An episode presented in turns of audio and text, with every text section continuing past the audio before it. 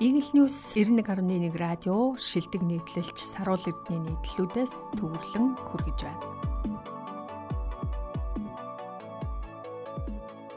Дурлах, зүүдлэх, унших гурав адилхан буюу уншигчийн 10 эрх. Бидний багад эцэг эхчүүд ном уншлаа гэж загиндаг байж үлээ. Ялангуяа орондоо ном аваад шургуул нүд чин муудна химээ. Тих тусам л улам уншдаг байлаа Итгийг хоригдсан жимс хамгийн амттай байдаг гэх чинь л болж байж тэ одоо бодоход. 15 настай капитан, капитан Грантийн хүүхдүүд Монте Кристо гүн, морь унсан толгоогүй хүн гэж адал явдал хөөж овоо хөрхөн хүүхэд чиг эхэлснэ. Гиде Мопосаны өгүүлбүүд Бальсак, Хьюго хүртэл уншичдаг байлаа. Мянга нэгэн шүний үлгэр гэж уншиж болдгүй том хүний ном байдаг гэж сонсонгуудаа нэгнээсээ сургалсаар байгаад олоод уншична. Харин багшийн заавал уншаарай гэсэн номыг унших тунч дургүй. Тэр үед бид сайн муу ном сайхан муухай зохиолч гэж бодчих байсангүй. Үзэл санаа өгүүлэмж зохиомж нь юу юм бол энтер гэж толгоогооч гашилгаж байсангүй. Зүгээр л номын ертөнцид яваад орчдөг, тэндээ жаргаж байгаад л гараад ирдэг байж. Одоо тэгтэл залуу хүний заавал унших ном гэд хаасаагүй жагсаалт гаргачихсан, ихэнхийг нь орчуулчихсан, нүдээр унших байтугай чихээр сонсдог ном хүртэл гарчихсан. Эцэг эхчүүд хүүхдүүддээ унш гэд ном бариад араас нь хөөчихсөн. Тэгсэн атлаа өнөөдөл нь уншиж өгдөггүй. Нөгөө уншихын таашаал зингэлгээ чинь үгүй болж Ном уншина гэдэг хүчээр хийдэг, боловсролын төлөө тодорхой зорилготой үйлддэг хиймэл зориудын механик үйлдэл болчихсон байна. Заавал унших номын зэгсаалтлаг нь заавал гэдэг чинь нохоо дээ. Заавал унших юм бол ном гэж юу н байх уу? Дунд сургуулийн уран зохиолын хичээлийн хөтөлбөр төр засаг боловсролын амнаас тодорхой зохиолчийн тодорхой ном бүтээлийг нэр зан оруулж өгсөн байгаа учраас байдаг л гэж ойлгогдож байна. Яам тэгэхээр тухайн улс орны зохиолчдын сайн мууг зохиол бүтээлийнхэн сайхан мухаг шийддэг газар болох нэ дээ.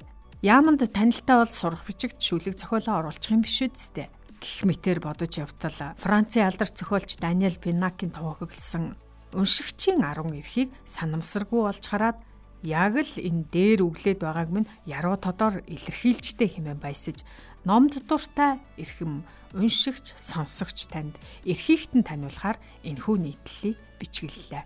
Орчин цагийн Францын уран зохиолын гол төлөөлөгчдийн нэг Даниэл Пинак ном унших химээгчийг зүүдлэхтэй, дурлагтай, цэнгэл таашаалыг эдэлдэг ариун дагшин үйл хэмээн тодорхойлсон байна. Заавал унших ном. Хм. Хүнийг хүчээр уншуулж болно гэж үү? За чи одоохон нэг зүү зүүдлэтэх гэж шаардаад зүүдлүүлж та чадах уу? Энэ хүнд дуралтаа гэвэл мөн дурлах уу? Заавал дурлах залуусын жагсаалт гэж байдаг бол эхнээс нь дурлаад яваад байж болох уу? Пинакол болохгүй гин. Зүгээр л нэг болохгүй ч гэсэнгүй. Уншигчийн 10 эрхийг тодорхойлж өгсөн байна. Удахгүй энэ 10 хүний эрхийн түгээмэл тунхаглалын адил хэн бүхний мэддэг дагдаг язгуурын эрх болон төгөх нь дамжиггүй. Миний нийтлэлийг сонсож үзэж суугаа, уншиж суугаа. Таач бас уншигч мөн сонсогч мөн таны ч бас эрхийг энд хөндөж байна гэсэн учраас танилцуулсан. Нэгдүгээрт уншихгүй байх эрх. Тийм ээ. Унших эрхийн тухай ярихад хамгийн түрүүнд уншихгүй байх эрхийг бас хөндлөх ёстой. Пинак ном унших нь хүнийг улам хүнлэг болгодог. Жишээ нь Чеховыг уншсны дараа бид урдынхаасаа илүү хүнлэг болно. Өнөөгийн нэгнээ барьж идэх нийгэмд хүмүүн хүмүүнээ илүү өөрөөр хардаг болно хэмээжээ. Гэвч Чеховыг уншдгүү нэгнээ мангас гэж харж хэрхэвч болохгүй. Ингэж эхэлбэл уншигч бид өөрсдөө харин ч хүнлэг биш харин нөгөө мангастайгаа адил болно хэмээж. Харин багш нар хүүхдийг багаас нь унших дур сонирхолтой болгох нь илүү чухлыг онцолсон байна. Уншихгүй байх эрх нь ийхүү ном унших үгүйн тухай ерөнхий асуудал ч мөн. Тодорхой нэг зохиолчийн тухайн нэг номыг унших хэсэх тухайн асуудал ч мөн. Хин нэгэн зохиолчийг уншдаггүй тэр зохиолч таалагддаггүй байх нь гэмт хэрэг биш ажээ. Хоёрдугаарт алгасаж унших хэрэг. Зохиолч Пиннак 12 настайд дайн баянхийг уншсан байна. Хүнжил дотроо гарч идэн барьж байгаад шунан дурлан уншсан гин. Хайр дурлал дайн балдайныг нь хөөгөөд амтрахын уншсан. Харин Толстойн Оросын газар тариалангийн асуудал санаа зовн тайлбарлаж эхлэхэд нь алхасчдаг байсан гинэ. Тэгээд одоогийн хүүхдүүдийг бас өөршгөө тэгж уншиж болно хэмээн зөвлөж байна. 3 дугаарт үл дуусгах эрх. Уг нь бол давс хийвэл уустал гэж Монгол ардын сайхан зүүр үг бий. Гэвч уншиж эхэлсэн ном ч үнэхээр таныг татаж чадахгүй бол уншсаар атал юу ч уншчихв да гэж сэтгэлд чинь нэг л сайн бууж өгөхгүй бол зүгээр л тэр номыг хаачих хэрэгтэй. Энэ нь тэр ном заавал муу гэсэн үг биш л те нас агсан хойноо юмыг арай өөрөөр хардаг болсон хойноод нөгөө ном чинь харин ихэд өөрөөр уншигдж байж ч мэдх юм. Пинакас өөр нэг хүний онолыг энд авч үзье. Америкийн хамгийн алдартай номын санчдын нэг Нэнси Перл хатагтай үүсгэсэн 50 хуудасны дүрм гэж бий. Нэг номыг эхэлсэн бол дор хаяж 50 хуудас уншаа гэж. Тэрнээс өмнө дүгнэх эртэтнэ. 50 хуудас уншаад л татч чадаагүй номыг бол болчих хэрэгтэй гин. Чи арайчтэй инженерийн номыг уншиж эхлээд дуусгалгүй хайчихсан гэж үү? Тийм ээ, би тэг хэрэгтэй. Цаг маань ч болоогүй байж мэдх юм. Дөрөвдүгээр дахин унших хэрэг. Өмнөх 2 3 дугаар цаасан эрхээ идлээ та номыг алгасаад уншчихсан дуусгаагүй орхичихсан байж болно. Санаа битгий зав. Та дахин унших хэрэгтэй. Миний баг хүү гэгээ гэж нөхөр бий.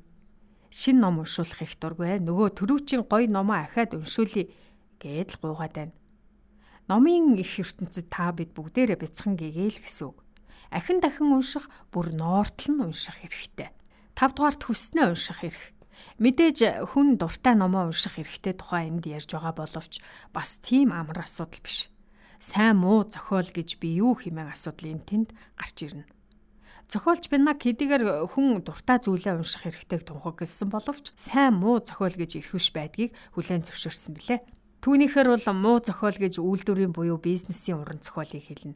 Игээл үйлдвэрлэлийн бизнес шиг эрэлт хэрэгцээгээ судалсан тусгай бүлэг хүмүүсийн хэрэгцээг ханган зориулсан бол муу зохиол гэх. Гэвч хүн бас тийм муу зохиолыг унших хэрэгтэй. Их их тохиолдолд хүн муу зохиолтой эхэлж учирдаг. Дараа нь муу сайн бүтээлийг зэрэгцүүлэн уншдаг. Эцэст нь нэг л мэтгэд өөрөө ч анзааралгүйгээр сайн зохиолоо тэрэн үлдсэн байдаг гэж. Дунд сургуульд сурч байгаа дүү чамд өгөх нэг зөвлөгөө байна. Багш чинь уран зохиолын сурах бичиг дээрх зохиолыг л унш хэмээн шахна уу. Уншаа хамаагүй унш дүнгээ чав. Гэвч илүү ихийг өөр зохиолыг өөрөөр хэлбэл хүснээ унших хэрэг чамд бий гэдгийг үргэлж санаж яваарай. 6 дугаарт номыг үнэн амьдрал хэмээн андуурах хэрэг. Ном бол ертөнцийг харах цонх гэж Горки хэлсэн баха. Зүгээр л нэг ертөнцийг харах цонхч биш. Ном бол тэрчгээрээ ертөнц юм.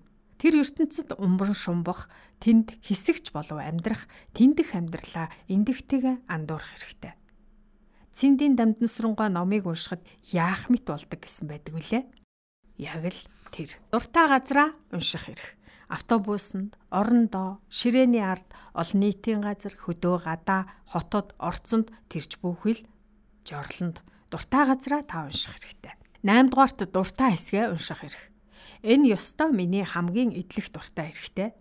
Хаяахан зав гарахаараа номын санд ороод нэг их тооцоо зориггүй ихнэр гүйлгэн харж агаад дуртай номоо шүүрч аваад дуртай хуудасаа нээж аваад л уншаад суучдаг. Яагаад юм Даниэл Пиннак энэ эрхийг уншигчийн 8 дугаар эрх болгон зарласан юм чинь. Чанга унших эрх. Манай дунд сургуулийн анги даасан багш гомбсөрөн монгол хэл уран зохиол заадаг байсан юм. Ном ярьж өгнө. Бас чангаар уншиж өгнө. Багш бидэнд хичнээн ч сайхан ном ярьж уншиж өгөөв дээ. Илиада Одиссе, Монголын нууц товчоо, Тарас Бульба бүхий л үеийн бүхий л ард түмний сод бүтээлийг уншихыг нь шимтэн сонсдог гэсэн. Одоо харин би хүүхдүүддээ номыг чанга дуугаар уншиж өгдөг болсон. Ном чанга уншина гэдэг шиг чанга бичнэ гэж бас сонссноо та. Достоевский номоо тэгж чанга бичдэг хүн байсан гэдэг. Хурдан бичээчих нь үүргийг давхар гүйцэтгэдэг байсан гэргийдээ чанга дугаар хийлж өгж байгаад гинт. Тэгээд Рассольников гимтэй гэж үү? химэн хашгиран асуусан байдаг гэдэг. Манай багш бидэнд чанга дуугаар ном уншиж өгдөг байсан шиг Достоевский номоо хашгиран бичдэг байсан шиг та бид ч бас гэр орондоо цор ганцаараа хайртай номоо чанга дуугаар унших хэрэгтэй. 10 дугаарт чимээгүй байх хэрэг сайхан ном уншиж дуусаад бусадтай санал бодлоо хуваалцах ч сайхан. Эсвэл ганцаараа гүн бодолд дарагдан суух ч бас сайхан. Багш нар эцэг эхчүүд дөнгөж уншаад дууссан хүүхдээсээ таалагдвуу? Номыг ойлгов уу? Үжил санаа нь юу байв? Яг юу хэлэх гэсэн ном байна? Гэвчлэн элдвийг шалгаах нь би. Шалгалт өгөх гэж ном уншсан билүү? Сурах бичиг дээр тодорхойлсон үжил санаанаас өөр зүйл ойлгочихсон бол тэнэг гэсэн үг үү? Үгүй дээхөө. Уншсан номынхоо тухай зөөлөн элдэг бодлоо өөрөө дотроо хадгалах, үл хариулах чимээгүй байх эрх нь уншигч таны 10 дугаар эрх болоо. Даниэл Пиннак уншигчийн 10 эрхийг тодорхойлсон номынхоо эхний хуудсанд буюу ихэнх зохиолчдын номоо хинт зориулснаа бичдэг тэр хэсэгт эцэг эхчүүд багш нар номын санчтаа энэхүү номыг ямар ч тохиолдолд хүүхдийг дарчилгах хэрэгсэл болгон бүү ашиглаарай гэсэн байдаг. Тийм ээ. Ном уншина гэдэг шийтгэл биш. Зүүдлэхтэй, дурлагтай адил хүчилж болтгүй эд. Хүрээд ирэхээр нь харин салж чаддгүй үйл.